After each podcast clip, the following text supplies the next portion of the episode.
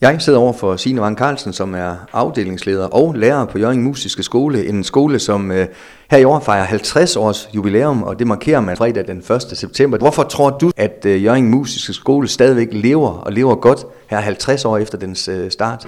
Det er vel fordi, vi på et eller andet plan formår at holde, holde interessen vågen for musik og kunst og drama. Så det er jo, det er jo hvad skal man sige, sådan nogle eviggyldige emner eller ting, man kan beskæftige sig med, så man ligesom ikke sådan går imod igen. Så det, det er jo derfor, vi, har, vi er her endnu, tænker jeg. I har allerede markeret jubilæet øh, flere gange øh, løbende. Ja, øh, vi synes jo et eller andet sted, at øh, det er jo ikke nok at holde noget på dagen, som er her på fredag den 1. september, men vi vil gerne gøre noget hele året.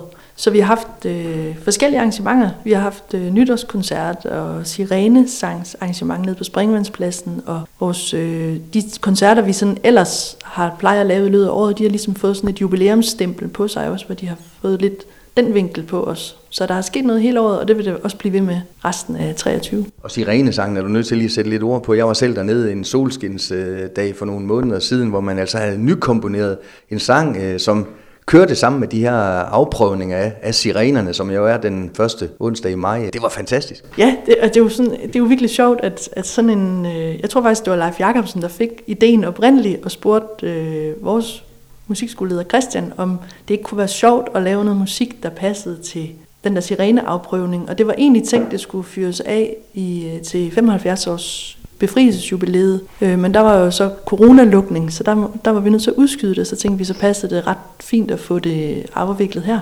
Mm. Og så vi har, vi har jo øh, nogle fantastisk dygtige folk, der kan mange ting her i huset. Blandt andet også øh, en komponist, Eirik Moland, som har skrevet musikken til sirenen, så der blev spillet musik, der passede til, at sirenen lød i hele byen. Og masser af børn, der sang med, og ja, øh, små børn på violiner. Ja, der var, næ- der var ikke et øh, øje tørt, Signe.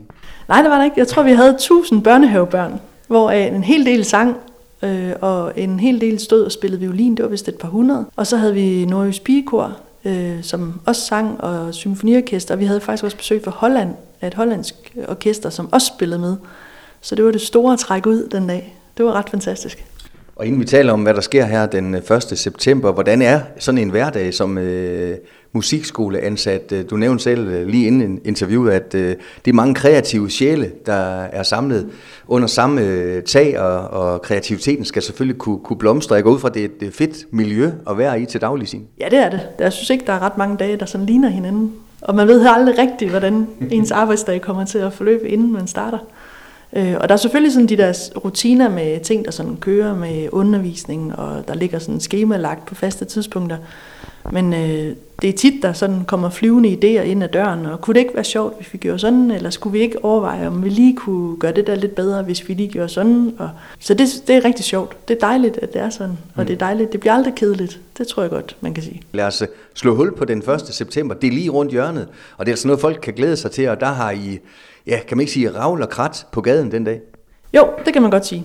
Øh, vi har jo alle vores sådan faste orkestre afsted, og alle, der sådan har nået at sætte et lille program sammen, får mulighed for at spille øh, både sådan små duo og et par solister, og alle de sådan lidt større orkestre. Vi har Marimba Stilbandet og Symfoniorkestret og Koncertband Vindia. Og vi har jo mange, de skal luftes alle sammen den dag. Og det er jo altid sådan lidt sjovt, fordi det er så tidligt på sæsonen, så det er altid lidt spændende om hvad vi har nået at forklare allerede, for vi har kun haft undervisning i to uger. Så det bliver selvfølgelig også sådan lidt noget af det meget nye, nyt materiale, der bliver brugt. Og så var det jo simpelthen så heldigt, at øh, Jørgen Handel har det her Hook and Cook arrangement samtidig. Og så blev vi enige om, at det kunne vi jo sagtens slå sammen, fordi det ville jo kun være til gavn for både Jørgen Handel og for os, at der at vi alle hver især kunne trække flere folk til. Øh, så, der, så der foregår også nogle af deres arrangementer på scenen, og det synes vi bare giver god mening, at, øh, at vi lægger det hele sammen. Vi starter med at øh, lave et optog, der går fra Springlandspladsen og ned til Metropol og tilbage igen. Alt hvad vi kan samle sammen af elever, forældre og øh, Art of Dance er også med, og så vil vi spille noget musik, alle kan være med til, for ligesom at sætte gang i festen.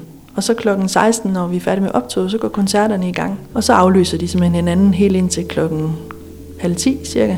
Og undervisningen er, som du sagde, et par uger gammel henover, altså fra sommerferien, så sæson 23-24 øh, er i gang. Er I kommet godt øh, fra land? Er det stadigvæk en, øh, en god, øh, stor musikskole, man har i Jørgen Kommune? Ja, det synes jeg. det synes jeg bestemt. Vi kan ikke øh, klage. Der er rimelig god tilslutning. Og I plejer altid at have nogle favoritinstrumenter. Er det stadigvæk de klassiske øh, klaver, guitar, bas, trommer, eller hvad, hvad spiller folk på nu om dagen? Altså guitar og klaver er stadigvæk nogle af de største fag, vi har, og så, øh, så skifter det andet sådan lidt med, at så, så kan der være mange, der spiller bas, eller så kan der lige være mange, der spiller keyboard eller trommer. Og så har vi selvfølgelig også violiner, der er faktisk også ret mange, der spiller. Og så har vi selvfølgelig også nogle, hvor vi ikke har så mange, hvor vi da godt kunne tænke os nogle flere.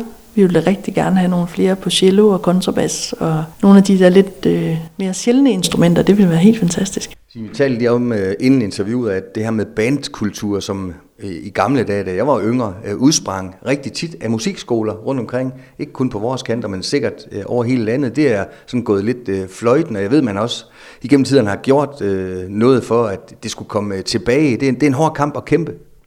Ja, jeg tror også, altså kulturen har ændret sig lidt. Ikke? Der er simpelthen så mange tilbud til unge, så der er jo, øh, det, det er nemt at sætte sig foran skærmen og sidde, og man kan jo også lave musik selv. Og det, der, det ved jeg, der er mange, der gør derhjemme, men det er tit sådan en, øh, blevet sådan en, en ting, man gør alene. Og vi kunne jo egentlig også godt ønske os, at der var flere, som havde lyst til at spille i band, bare hænge ud og være sammen om musikken i et fællesskab. Vi har jo mange, der gør det, men det kunne være rigtig dejligt, hvis vi havde endnu flere. Og man behøver jo ikke sådan gå til spil og til instrumentundervisning for at spille i band. Man kan jo sådan set godt bare komme ind ad døren og gå i gang. Så du kunne godt se et scenarie, hvor nogle af jer musikskolelærere kunne være en slags øh, fødselshjælper for de her øh, selvstændige bands, som kunne øve for sig selv om aftenen også? Det vil vi helt sikkert gerne. Mm. Og vi har også nogen, der kommer og låner lokaler og øver om aftenen på egen hånd. Vi tilbyder jo, at hvis man har brug for lidt hjælp, så vil vi gerne det. Hvis der er nogen, der går derude og går med tanken om at komme i gang, så skal de bare banke på, så er vi klar. Jeg ved også, at I har en øh, skarp lærerstab øh, og har kompetencer på rigtig, rigtig mange forskellige slags øh, instrumenter. Vi har i hvert fald nogle virkelig, virkelig gode folk, og vi vil gerne have, have så bredt et øh, udbud af fag som muligt. Øh, så vi kigger selvfølgelig også ud i landet for at se, om vi ikke kan rekruttere nogle gode. Og heldigvis så ser det ud, det går faktisk fint. Folk har det også med at blive hængende her rigtig længe, når de har fået job, og det er jo også bare dejligt. Det er jo fordi, de godt kan lide det og går ud fra.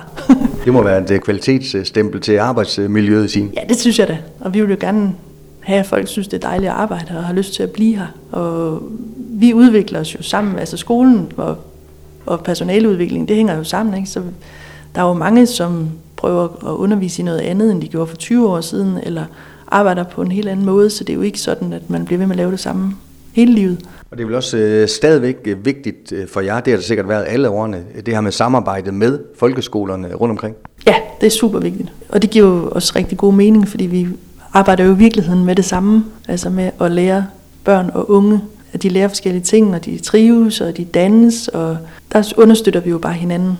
Og vi har jo heldigvis nogle folkeskoler, som kan se fidusen i at arbejde tæt sammen med os, fordi vi kan jo nogle forskellige ting, men vi arbejder med den samme kerneopgave. Og det synes jeg, vi er rigtig gode til her i Jørgen Kommune. Og ordet trivsel, det er selvfølgelig noget, som er fokus på. Øh, mange børn har det svært med trivselen i de her øh, år. Det viser mange undersøgelser. Som også du sagde til mig inden interviewet, jamen øh, en af nøglerne, det var måske musikundervisning. Altså det er jo bevist, at det er godt for krop og sjæl at spille musik. Ja, det er bevist rigtig, rigtig mange gange. Og vi synes jo faktisk selv, at vi sidder inde med nøglen til at svare på mange af de problemer, som børn og unge står med nu. Og der er mange måder at løse det på, men vi vil meget, meget gerne spille ind i den problematik, fordi vi synes jo faktisk, at det der med at have noget meningsfuldt, man laver sammen med andre, hvor man slipper for at tænke på, hvordan man ser ud, og om man nu ser godt ud på Instagram, og hvordan gik det med, hvad man nu har lagt op, eller set, at nogle andre har lagt op. Altså, at det forsvinder ligesom, når man er i gang med at spille musik, eller lave kunst, eller hvad man laver. Så er der ikke tid til at tænke på alt muligt andet. Så er man i det her nu. Mm. Øhm, og det er der jo rigtig mange undersøgelser, der viser, at det er jo faktisk en tilstand, som det er rigtig sundt for os at være i, som gør os glade, og som øh, får de der dagligdags problemer til at træde i baggrunden. Og du har sikkert mange øh, eksempler på øh, sine musikalske events, eller hvad det kunne være, hvor når noget er lykkes, en fælles opgave, en koncert er gået godt, og et band har spillet godt, og, og øh, det hele er smeltet sammen, at de der endorfiner, der bliver givet fri her, jamen dem kan både børn og voksne leve længe på. Ja, det kan man jo.